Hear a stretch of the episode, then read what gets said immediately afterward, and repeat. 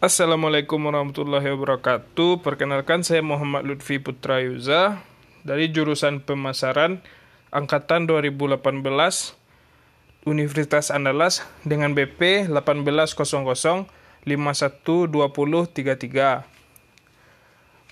Pada kesempatan kali ini saya akan mencoba menganalisis retail toko sport station kembali dengan menspesifikkan kepada manajemen rantai pasokan.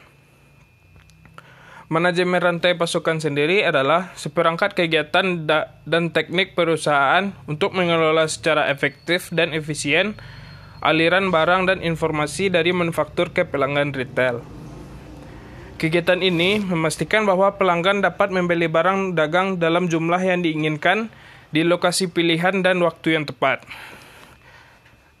Pada bagian ini, kita ambil contoh retail sport station, yang, men, yang mana dalam skala waktu tertentu ada barang dari vendor sepatu atau vendor baju yang saling bergantian untuk menghantarkan barang langsung ke gerai atau disimpan ke gudang terlebih dahulu.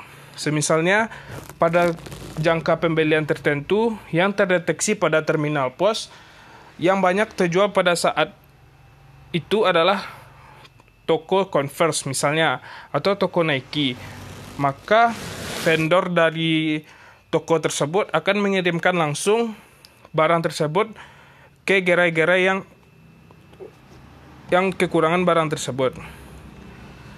Selanjutnya adalah ada yang disebut data data pembelian yang dikumpulkan oleh point of sale masuk ke, ke database atau yang sebagai dikenal dengan gudang data.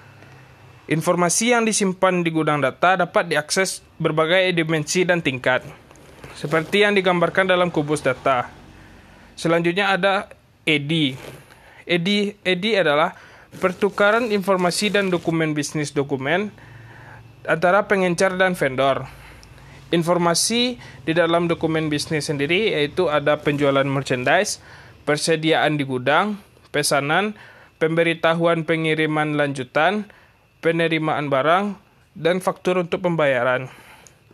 Sistem EDI memiliki keamanan, yaitu yang pertama autentikasi, atau sistem ini memastikan atau memverifikasi bahwa orang atau komputer di ujung lain dari sistem informasi adalah benar-benar yang akan dituju. Yang kedua ada otorisasi.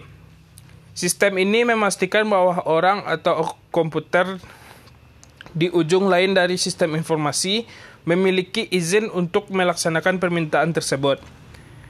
Yang ketiga ada integritas. Sistem ini menjamin bahwa informasi yang telah tiba adalah sama dengan pengirimnya, yang berarti bahwa da bahwa data yang di yang telah dilindungi dari perubahan tidak sah atau ganggu gangguan melalui proses inskripsi data.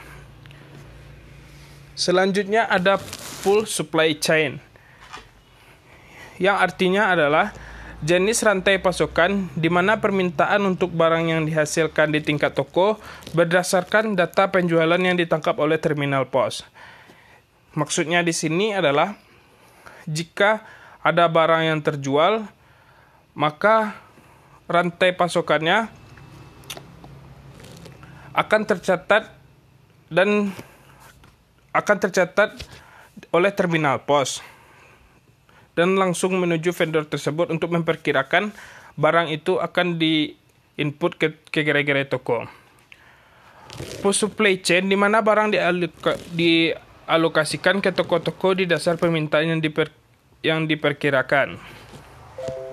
Contoh contohnya di sini pada kita ambil kembali pada retail toko sport station. Yang mana jika pos menangkap penjualan Converse naik dan penjualan Nike menurun, maka vendor Converse lah yang langsung mengirimkan barang yang disesuaikan oleh perkiraan terminal pos tersebut.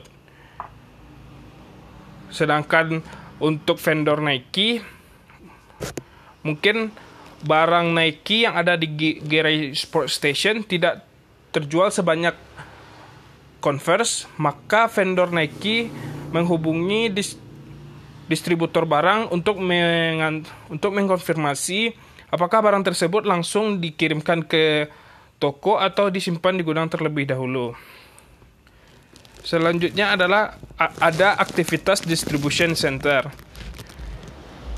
yang yang keguna yang kegunaannya yaitu mengelola inbound transportation, yang kedua menerima dan memeriksa barang dagangan, yang ketiga menyimpan atau cross docking barang dagangan, yang keempat menyiap, mempersiapkan barang dagangan untuk dikirim ke toko atau sales floor.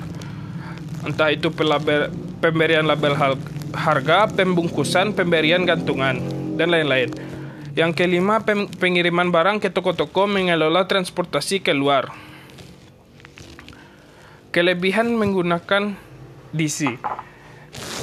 Efek dari kesalahan perkiraan untuk toko individu diminimalkan.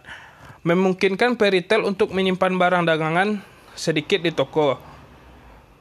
Yang ketiga, lebih mudah untuk menghindari kehabisan stok. Yang keempat, ruangan toko retail lebih mahal daripada ruang di pusat distribusi. Pada retail sport station sepertinya dapat menggunakan metode DC ini karena sport station memiliki banyak gerai di setiap daerahnya yang pasti diperlukannya untuk mengecek barang di gudang, memeriksa barang di masing-masing gerai, melakukan pemasangan label harga, dan meminimalisir barang yang kehabisan stok.